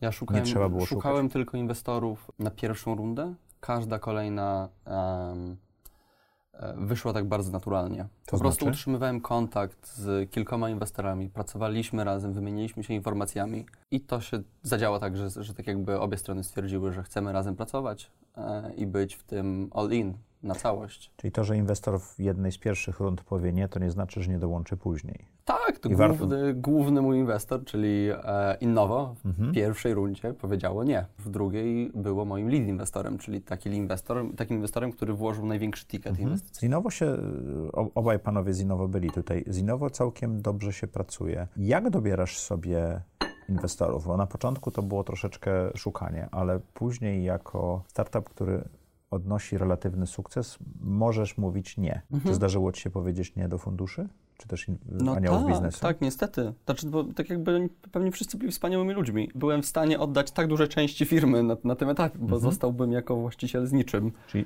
ale wybierałeś... Tak, y- więc musiałem wybrać niestety tego, z którym poczułem, że mi się najlepiej będzie pracowało mhm. na, na tym etapie i to zdecydowanie byli chłopaki z Innowo. Widzę, że to są takie elementy, czy ta osoba jest w stanie mnie popychać intelektualnie, czy jest w stanie mnie challenge'ować, czy jest w stanie pokazywać mi ścieżki, których ja nie jestem świadom. Dużym takim, dużą taką rzeczą, dużym takim problemem, który zawsze mam, to pewnie każdy też to ma, tak jakby nie wiem, czego nie wiem. Mhm. Więc staram się otaczać i mapować osobami, które potencjalnie mogą wiedzieć to, czego ja nie wiem. I staram się Bo jak słuchać. już wiesz, czego nie wiesz, to możesz się tego nauczyć. Oj, oczywiście. Tak mhm. Tak jakby zdiagnozowanie problemu to już jest zrobienie 80% pracy. Mhm. Najgorzej, jak się nie wie się, czego nie wie. Tak. Jak widzisz 2022 rok i wzrost firmy? Czy macie już plany? Czy to mhm. będą kolejne lokalizacje? Czy, co, co, planujecie zrobić? W 2022 roku zdecydowanie y, duży nacisk będzie kładziony na, na dwa elementy. To będzie rozwój firmy, czyli powiększanie ilości lokalizacji, zwiększanie ilości medyków, którzy z nami pracują, ilości pacjentów, e, czyli po prostu dostarczenie tej usługi, którą, którą teraz dostarczamy do pacjentów w całej Polsce. Drugi to, pro, to pierwszy krok w stronę proaktywnej opieki, bo o tym nie mówiłem tak naprawdę. To zanim powiem, jaki to jest ten drugi krok, to cofnę się o tym trochę, dlaczego, e, dlaczego Jutro Medical powstało, bo to nie jest tak, że chciałem po prostu zbudować lepszą przychodnię. Mhm jak sobie zobaczysz, jak teraz um, funkcjonuje medycyna, to powiedzmy coś cię boli, idziesz do tego lekarza i, i mówisz, że coś cię boli i, i, on ci przepisuje jakieś leki i to jest bardzo re, re, retroaktywne. Po prostu on ci rozwiązuje problemy, które już istnieją. Natomiast to, co ja bym chciał, żeby um, Jutro Medical było sprawcą w długim okresie czasu, to żeby odwrócić tą retroaktywność na proaktywność, czyli żeby dać lekarzom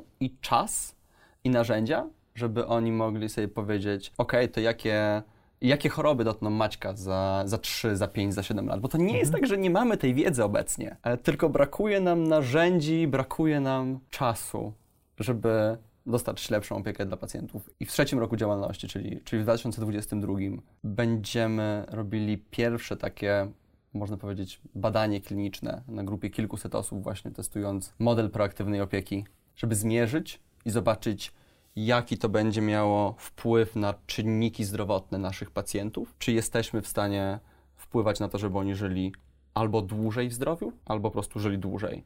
Albo, sobie... albo w lepszym zdrowiu. Tak, mhm. tak. Bo jak sobie pomyślisz, jak wybierasz w tym momencie lekarza, to są głównie subiektywne opinie. Czytasz mhm. gdzieś w internecie opinie, znajomi ci, ci, ci, mówią, że ten lekarz jest dobry albo zły. Jak myślę sobie, jak będzie wyglądał wybór 10-15 lat, to nie będziemy wybierali na podstawie opinii, tylko będą metryki leczenia konkretnych chorób. Troszkę tak jakby rozwinięte tak zwane value-based care, czyli opieka oparta na, na dostarczanej wartości pacjentowi. Sam e, znany lekarz, gdzie możesz poczytać, co ludzie myślą o tej osobie, tylko faktyczne e, dane na temat wyleczalności. E, tak, na przykład będziesz widział, że przychodnia X za, zarządza lepiej cukrzycą niż przychodnia Y. Mhm. Wierzę, że w co tą stronę idziemy. mamy nadzieję, że zmotywuje przychodnię Y, żeby poprawiła swoje y, wyniki. To prawda? będzie niesamowite. Zobacz, wtedy tak naprawdę uruchamiasz silnik na całym rynku, który, w którym liczy się jakość. I to jest, będzie niesamowity tak jakby moment przełomowy. Jesteś w stanie zmienić polski rynek y, medyczny? Nie mam żadnego pojęcia, ale jestem w stanie próbować.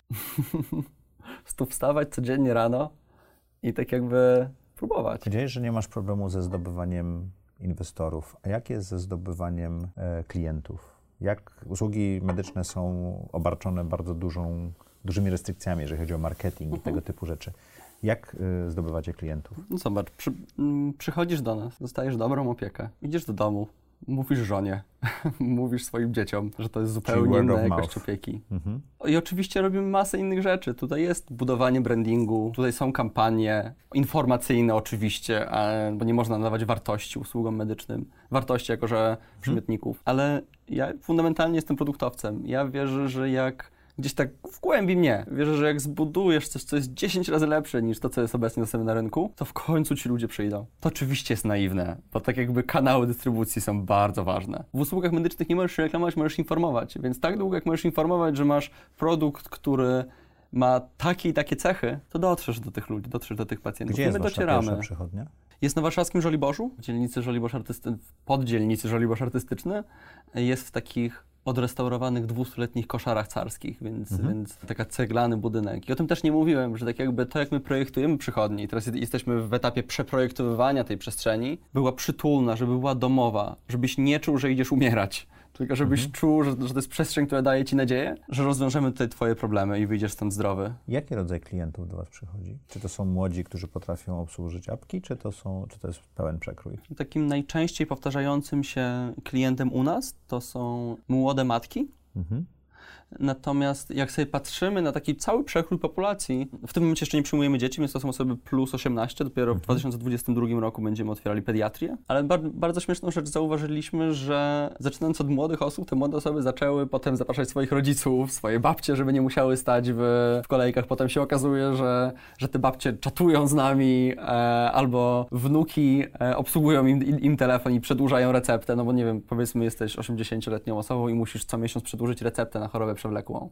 Mhm. E, jutro Medical jest do tego bardzo wygodne. E, Czyli można upoważnić, przepraszam, że babcia może upoważnić wnuka, żeby za nią y, z wami czatował. Tak. Czy takie rzeczy tak. się dzieją i to system na to pozwala, tak? Tak, formalnie też, tak jakby mhm. po prostu, ja mówię... ta, tak jak jesteś, jako rodzic jesteś opiekunem swojego dziecka, też możesz być opiekunem prawnym, e, tak jakby do kontaktu medycznym. Z medycznym, tak. Mamy też bardzo, bardzo mnie to cieszy, że, i to totalnie przypadkiem, mamy dość dużą społeczność osób e, głuchoniemych, dlatego, że jak sobie pomyślisz o tym, to w normalnym kontakcie z lekarzem musisz mieć tłumacza, jak mhm. idziesz na wizytę do przychodni. A w czacie nie musisz. Nie musisz, więc tak jakby, dos, tak jakby odzyskujesz tą możliwość kontaktu I to e, pełnego, pełnego nie, nietłumaczonego, nie, tak. nie takiego, że język migowy może coś przekręcić, mhm. prawda? Czy też tłumaczenie. To bardzo ciekawe. A jak y, pozyskujesz pracowników? Powiedziałeś, że to już jest prawie 100 osób, mhm. przychodnia przychodnią, ale startup jest zawsze takim miejscem, gdzie bywa trudniej zatrudnić ludzi, prawda? Mhm. Bo nie jest to miejsce, które ma historię, przewidywalność i tak dalej. Mhm powiedzmy sobie, technologia i, i, i produkt, czyli ten największy dział, dział w headquarters. Jedna trzecia. Wyobraź sobie, że całe życie pracujesz, jak się buduje firmy, to się pracuje nad jakimiś metrykami. Wyobraź sobie, że całe życie pracujesz nad metrykami, które pozwalają dużym korporacjom zarabiać więcej pieniędzy. Ułatwiają im pozyskiwanie klientów, albo, nie wiem, tworzysz gry. I to jest wszystko cudowne i to daje niesamowitą satysfakcję. Natomiast widzę, ja też tego samego doświadczyłem, że w pewnym momencie oczekujesz od życia większego impaktu. Wydaje mi się, że Jutro Medical jest takim miejscem, gdzie możesz pracować e, nad metrykami, które mają wpływ na życie i zdrowie ludzi. Widzę, że takie osoby przyciągamy. Takie osoby, które chcą w życiu czegoś więcej niż po prostu zarabiać firmom więcej pieniędzy. No bo jak sobie patrzymy na przykład na churn rate i tak jakby churn rate, czyli ile naszych pacjentów odejdzie od nas. On jest w tym momencie relatywnie niski, e, ale jak sobie pomyślisz o ogromnej skali, czyli na przykład miliony pacjentów, to nagle, i to będzie niesamowity moment, to nagle realnym problemem staną się ludzie, którzy umierają. I teraz wyobraź sobie, że w firmie, która ma milion pacjentów, można posadzić zespół, który będzie pracował nad tym, żeby zadbać lepiej o zdrowie ludzi, żeby pomóc im żyć dłużej. I to jest totalna abstrakcja, to co w tym momencie mówię. Mhm. E, ale chciałem to wyolbrzymić, żeby, żeby pokazać, że, że tu są troszkę inne metryki i inne cele. E... Czyli, y, przepraszam, to tak brutalnie powiem, ale twój cel przedłużenia życia ludziom również ma ten kapitalistyczny e, zalążek, bo oni dłużej będą waszymi klientami. To nie jest, ja rozumiem, że to nie jest główna motywacja, ale w pewnym sensie macie zbieżne cele z pacjentami. Ale zobacz, bo żyjąc w kapitalistycznym systemie, musisz pracować nad tym, żeby motywacje organizacji i, kapitalistycznego systemu były zbieżne i były dobre. Więc teraz to jest właśnie ten rok. I tobie udało się to osiągnąć? Myślę, że nie całkowicie. Myślę, okay. że chciałbym, żeby to było inaczej. Natomiast e, śpię spokojnie. O tak. Myślę, że realizujemy rzeczy, które są dobre. W tym momencie można by zakończyć wywiad. Jaka jest najważniejsza lekcja biznesowa, którą e, przyswoiłeś podczas budowania tego biznesu? Ja nie doceniałem regulacji, tego mhm. jak bardzo uregulowany jest ten rynek, tego, że regulator nigdy nie przewidzi, i to jest naturalne, e, jakie innowacje można wprowadzić, więc wszystkie innowacje, które chcesz wprowadzić, to one są niemożliwe prawnie tak naprawdę. I teraz lądujesz w takim momencie, gdzie chcesz zrobić dobro, a to jest nielegalne. I teraz nie możesz tego dobra zrobić i musisz zacząć pracować z tym regulatorem. Regulator nie ma intencji, żeby z tobą pracować. Bo jesteś jeszcze za mały. Doskonale, do, dokładnie. I to jest problem, wydaje mi się, dość duży, że my mamy rzeczy, które wiemy, że będą miały naprawdę fajny impact, a nie możemy ich zrobić. Czyli zaczynasz mieć dział, który zaczyna współpracować z, z regulatorem? Wydaje mi się, że my staramy się dopiero zrozumieć, jak się w tym e, mhm. skomplikowanym systemie regulacyjnym Ale docelowo to będzie niezbędne z tego, co rozumiem. Bo jeżeli chcecie na... zrewolucjonizować system? Tak, pewnie tak, pewnie tak. Ale to jest coś, czego ja jeszcze nie wiem. Mhm. Nie wiem, czy by nie będzie. Nie, jakbym umiał przewidywać przyszłość, to pewnie robiłbym ale lepsze rzeczy. ale już wiesz, że nie wiesz. To jest dobre. Już wiem, że nie wiem, tak. Dobrze. Um, jak duży to jest biznes w tej chwili, Jutro Medical? Jakie macie obroty? Ilu mm. pacjentów? To, to rzeczy, które możesz powiedzieć tak, oczywiście. Tak, tak. No mamy ponad tam 10 tysięcy pacjentów. Mhm. To na przychodnie... To jest malutki biznes. A na przychodnie w Polsce to jest dużo czy mało? Bo ja nawet nie Pewnie wiem. taką pojedynczą przychodnię to jest dużo, ale jak mhm. na tak jakby, jak na całościowy biznes, to my jesteśmy w takim bardzo mał, malutkim zarodku. Mhm. I kiedyś mi się wydawało, że jak się dochodzi do, nie wiem, do 100 tysięcy MRR-a tego obrotu powracyjnego złotych, to jest dużo. Mhm. E, wydaje mi się, że 100 tysięcy mieliśmy w dziewiątym miesiącu działalności od pierwszej linijki kodu. I potem najzwyczajniej na świecie myślisz sobie, okej, okay, to ciekawe jak wygląda, czy to, to myślisz sobie, okej, okay, to może duży biznes to jest jak robisz milion, milion euro miesięcznie, mhm. do którego teraz sobie dążymy. A potem myślisz sobie, hmm, pewnie, jak wygląda biznes, który jest w stanie przeznaczać 100 milionów euro rocznie na R&D? Jakie ciekawe rzeczy można zbudować? Więc jak duży jest biznes, pewnie jest bardzo względny. Względnym pojęciem. Ja myślę, że Ultramedical jest, jest bardzo malutkim biznesem w tym momencie. Ten mhm. potencjał na tak ogromnym rynku jest, jest pewnie tysiąckrotny jeszcze. Jak więcej, kurczę, pewnie stu tysiącokrotne na powiększenie tego biznesu. Kto jest waszym największym konkurentem? Mm. Czy tak na to patrzycie w ogóle? Nie, nie patrzymy na to w tym momencie, bo tak jakby realnie są duzi konkurencji, konkurenci do, z tego dokładnie, co my robimy w Stanach. To mhm. są firmy warte po kilka miliardów dolarów. Zdecydowanie nie martwimy się konkurencją w Polsce. Nie wiem, przykład Kiwi Jobs. Wydaje mi się, że w pewnym momencie, jak zaczęliśmy to budować, to było siedem tych samych firm. Po prostu idziesz i patrzysz, jak one upadają, bo starały się ciebie kopiować, ale nie wiedziały w sumie, dlaczego kopiują twoje decyzje, nie wiedziały, jaki jest fundament tych decyzji, więc po prostu idziesz, idziesz robić swoje. Więc takie największa, największa konkurencja, z którą ja się porównuję, to są pewnie takie firmy jak, jak One Medical e, w Stanach albo Go Forward. Mhm. Ostatnio pewnie Carbon Health. To są tego typu firmy. A co się stanie, jak jeden z olbrzymiów polskiej prywatnej medycyny zapuka do Was i powie, że chce Was kupić? Zobaczcie, my jesteśmy zbyt małą firmą, żeby warto było nas kupować. Okay. To jest zbyt wczesny etap. To tak jakby, to jest jeszcze nie, nieokrzepłe. My musimy jeszcze robić swoją robotę. Okay. Jutro Medical nie jest na sprzedaż rzeczy przez długi, długi okres. Adamie, w tej serii Twoich projektów jesteś chyba na największym w tej chwili. Do tej pory oczywiście nie twierdzę tego. Jakie to jest uczucie zrobić coś takiego, co widzisz, że jeszcze na lata masz możliwość innowacji, budowania, rozwijania siebie? Nazywanie uczuć. Trudna umiejętność. Mhm. Napędzające, wydaje mi się ale też przerażające, jak się zastanawiasz, jak bardzo musisz się zmienić jako człowiek, żeby nadążyć za firmą. Jak bardzo musisz wersję siebie co kilkanaście tygodni tak naprawdę zmieniać, ale też.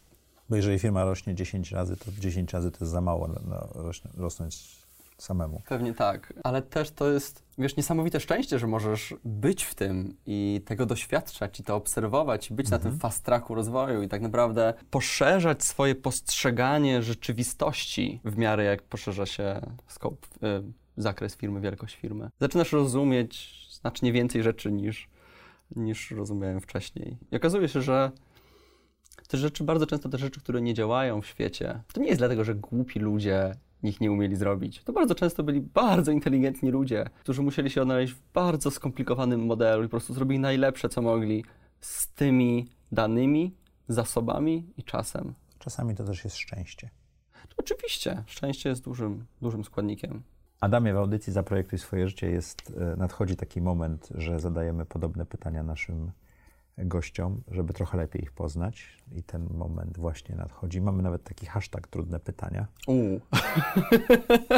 Tak, nastawiam cię odpowiednio. Presja. Do, do, do serii z Kałasznikowa, która zaraz nadejdzie. Czy możesz opisać najlepszą decyzję, którą podjąłeś do tej pory w swoim życiu? To jest ta sama decyzja, która jest mm, podejmowana dziesiątki już razy i ona polegała na tym, żeby się nie poddać. Mhm. Wtedy, kiedy już naprawdę nie ma sił, wszystko się wali, wszystko jest przeciwko tobie, po prostu przetrwać kolejny dzień. Przetrwasz ten kolejny dzień i ten kolejny dzień i ten kolejny dzień, to gdzieś tam jest słońce. I to jest zawsze ta sama decyzja, po prostu wytrwać. Co daje Ci najwięcej energii czy satysfakcji w życiu? To jest duża rzecz, nad którą myślałem. Mhm. To jest duża rzecz, nad którą myślałem, dlatego że zastanawiałem się przez jakiś okres w życiu, co chcę optymalizować w życiu, co, co będzie mhm. moim takim KPI-em do, dobrego życia. I na początku myślałem, że to jest w ogóle szczęście. Okazało się, że, że, bardzo ulotne. że to nie jest. Właśnie szczęście nie jest ulotne i do tego możemy sobie zaraz przejść. Ale... Co dobrze parkujemy, to za chwilę dodam pytanie. Um... Energia i satysfakcja w Twoim życiu to? To jest S, to jest wzór S, czyli satysfakcja, to jest wzór X razy I. X to jest liczba osób, na które mam wpływ, a I to jest impact, czyli wielkość tego wpływu. Jak sobie pomyślisz o, na jedną osobę. I... Skąd ten wzór? Nie wiem. Twój. Gdzieś, gdzieś kiedyś przyszedł mi do głowy. Tak mhm. Tak jakby, jak sobie pomyślisz, to ja chcę wstawać codziennie rano i wiedzieć, że pomagam coraz bardziej, coraz większej grupie osób. I po prostu chciałbym, żeby to była taka droga przez całe życie. I jak sobie pomyślisz o, o, o różnych projektach, które o których tutaj rozmawialiśmy, no to nie wiem, Kiwi Job, Save My Time.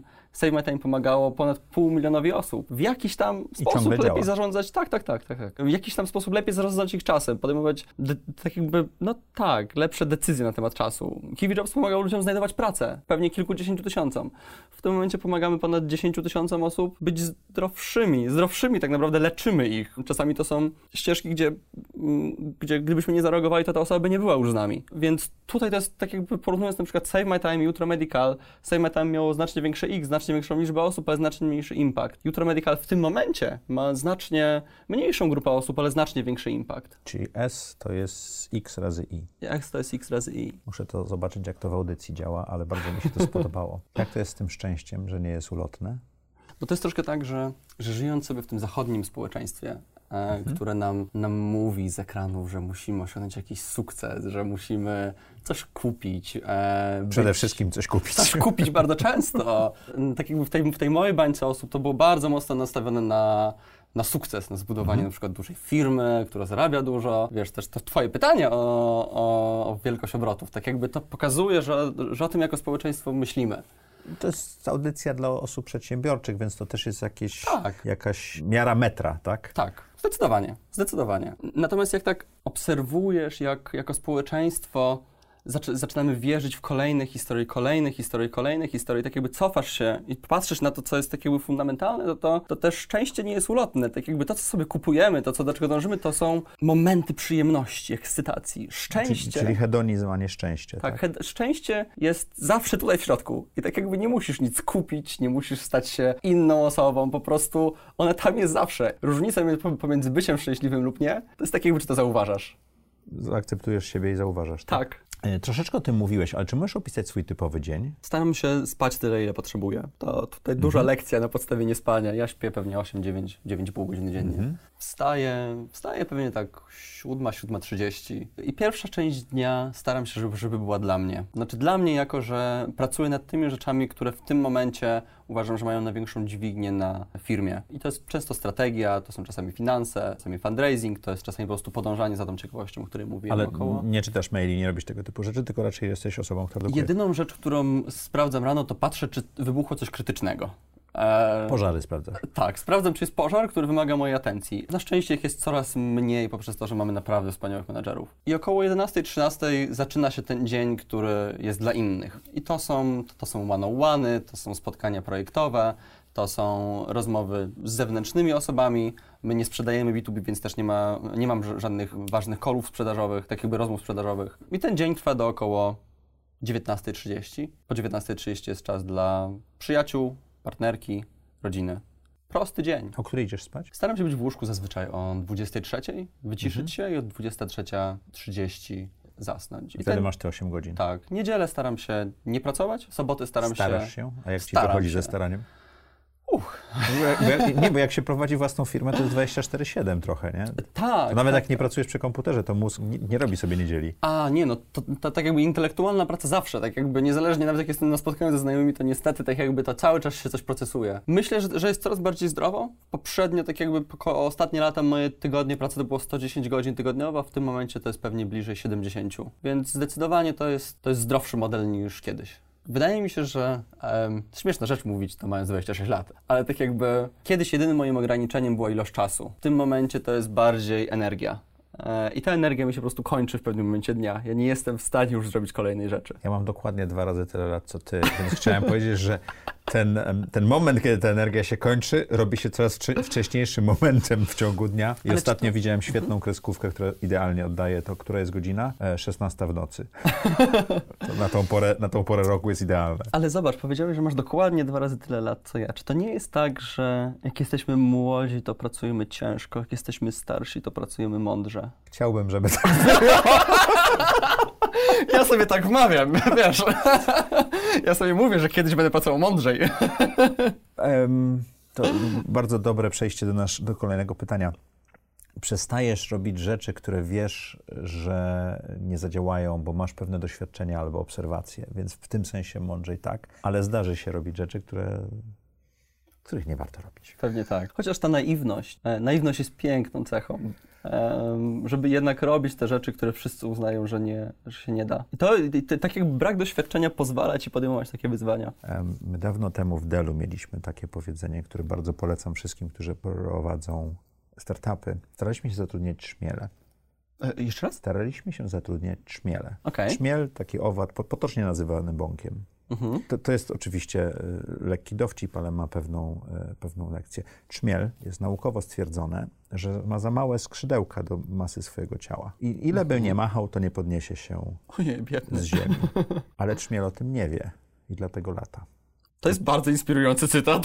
Jeżeli pomyślisz o tym, są ludzie, którzy nie wiedzą, że, że się nie da. Nie, no oczywiście. Handlowcy tacy są idealnymi handlowcami, ale ludzie, którzy robią tak szalone projekty jak ty, ty nie wiedziałeś, że nie, nie da się zmienić polskiej medycyny. I ja nadal sobie, sobie mówię, że nie wiem. To jest typowa definicja trzmiela, jakby ktoś pytał.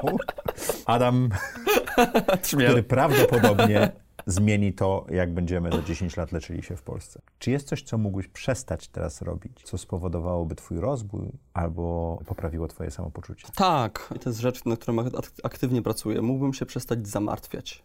Ja mam paranoję na temat przewidywania wszystkich rzeczy, które mogą nie wyjść. I mam ogromne matryce wszystkich ryzyk zmapowane i mhm. plany ABC do tego, co jeśli się stanie to ryzyko. A najśmieszniejsza rzecz jest taka, że w momencie, jak zarządzasz tymi wszystkimi ryzykami, to i tak co innego się wywali. Mhm. Więc aż takie głębokie wchodzenie nie wydaje mi się, że jest potrzebne. E, wiele razy mi uratowało tyłek, ale zdecydowanie mógłbym podejmować lepsze decyzje, gdybym skupiał się na tej pozytywnej części więcej, czyli na tym, co możemy fajnego zrobić, niż tak jakby, co może się nie udać i zabezpieczanie i hedżowanie tego ryzyk. Więc mniej się zamartwiać.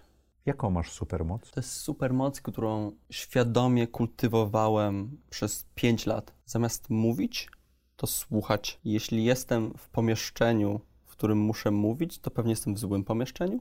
A słuchanie, też będąc szefem firmy, zawsze możesz podjąć decyzję, więc, więc nie musisz przekonywać nikogo do swoich decyzji, wystarczy słuchać, co inni myślą, żeby podjąć lepszą decyzję. Słuchanie jest niesamowitą supermocą i obserwowanie e, też takiego przesłuchania, mam na myśli też ruchy, które ludzie wykonują, to jakim się źrenice powiększają, mhm. pozycje, w której siedzą. Mhm. Tak jakby to jest wszystko język. Na słuchanie jest niesamowite, bo pozwala ci zrozumieć, budując produkt, pozwala ci zrozumieć, czego te osoby chcą, gdzie jest coś, gdzie one kłamią. Sprzedając, pozwala ci zrozumieć, kiedy się świecą oczy tym ludziom, jak sprzedajesz im ten produkt. Mhm. Więc słuchanie to jest, to, to jest super moc. Nie wiem, czy ja ją mam dobrze rozwiniętą, natomiast ja bardzo mocno pracuję nad tym, żeby to faktycznie była moja supermoc. Adamie, co chciałbyś robić za 3 lata? Trzy rzeczy, które chciałbyś robić za 3 lata to? Jak ludzie ci mówią, że jesteś szalony i zaczynasz robić te rzeczy, to oni przestają postrzegać to szaleństwo za szaleństwo. Tylko, że udowadnia, że coś jest możliwe nagle. I za 3 lata zdecydowanie chciałbym robić rzeczy, które są szalone. Czyli tak naprawdę przesuwać tą granicę tego, co jest możliwe. A jedna z takich rzeczy możesz już nazwać, czy jeszcze nie? Na pewno chciałbym robić bardzo ciężkie R&D na temat odpowiadania sobie na pytania, co oznacza, że jesteśmy zdrowi. Mhm.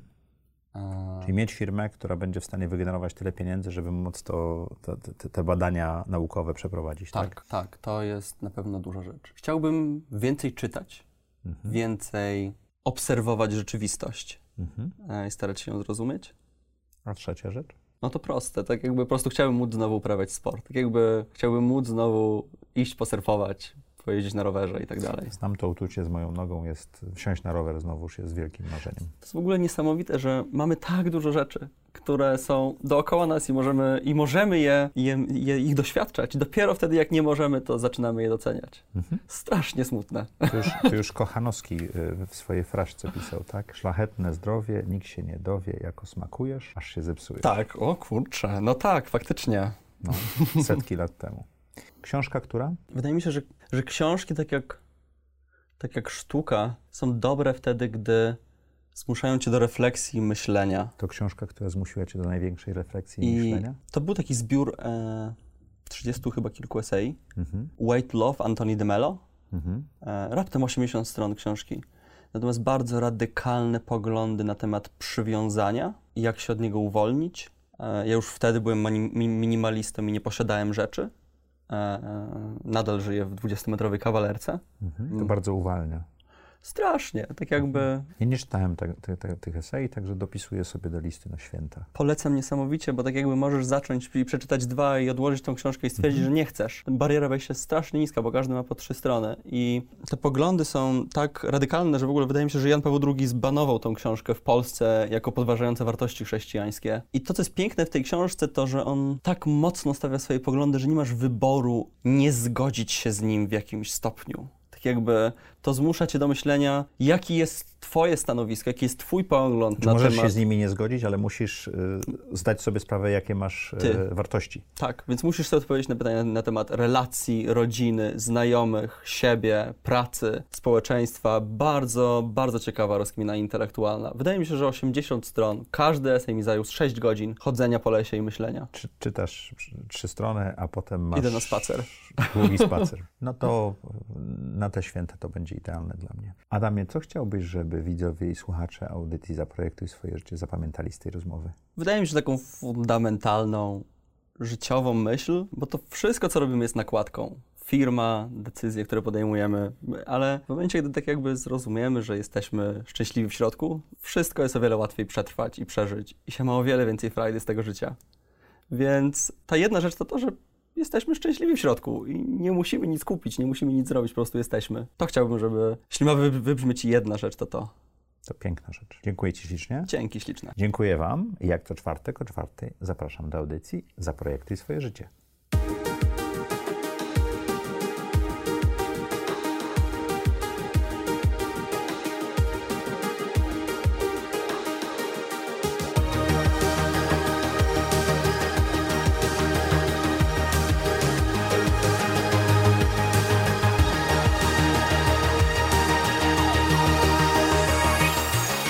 Zaprojektuj swoje życie.